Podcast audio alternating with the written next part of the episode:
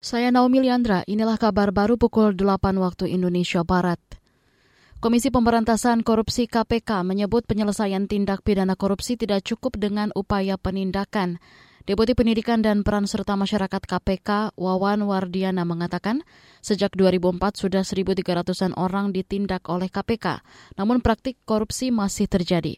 Sebab itu, kata Wawan, KPK membuat tiga pendekatan pemberantasan korupsi yang dikenal sebagai strategi Trisula pemberantasan korupsi, yakni pendidikan, pencegahan, dan penindakan.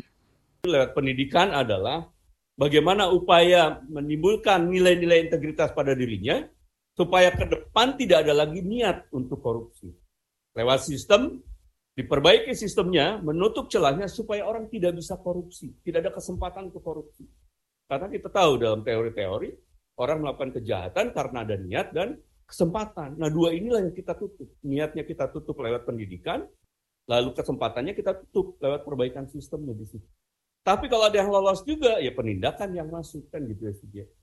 Meski begitu, Wawan menambahkan tiga pendekatan KPK tidak akan efektif tanpa peran serta masyarakat untuk bersama-sama dengan KPK memberantas tindak pidana korupsi.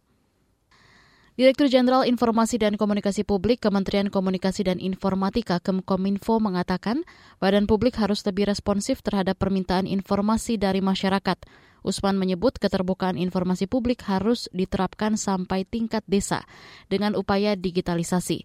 Hal ini untuk meningkatkan kinerja birokrasi dan administrasi serta pelayanan kepada masyarakat. Untuk menciptakan desa yang transparan di era sekarang ini, kita tidak bisa terlepas dari upaya digitalisasi. Sistem informasi menjadi krusial dan sentral dalam pengelolaan ruang publik yang kian luas. Dengan teknologi informasi dan komunikasi, perangkat desa dapat mengelola informasi sekaligus memberikan wadah bagi masyarakat untuk menyampaikan aspirasi dan keluhan mereka Usman mengatakan digitalisasi sangat tergantung pada infrastruktur pendukungnya. Ini menjadi target prioritas Kemkominfo untuk mewujudkan transformasi digital yang inklusif, sehingga teknologi informasi bisa dinikmati setiap warga negara Indonesia.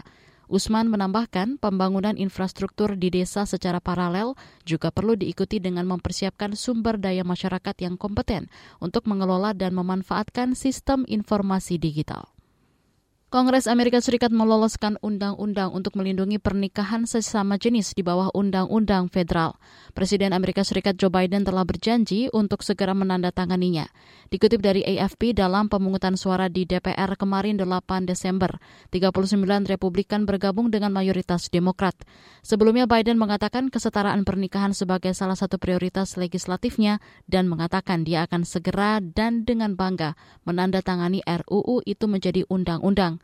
Undang-undang baru yang dikenal sebagai Undang-Undang Penghormatan Terhadap Perkawinan tidak mengharuskan negara untuk melegalkan pernikahan sesama jenis. Tetapi negara mesti mengakui pernikahan tersebut selama itu sah di negara tempat pernikahan dilakukan. Demikian kabar baru, saya Naomi Liandra undur diri.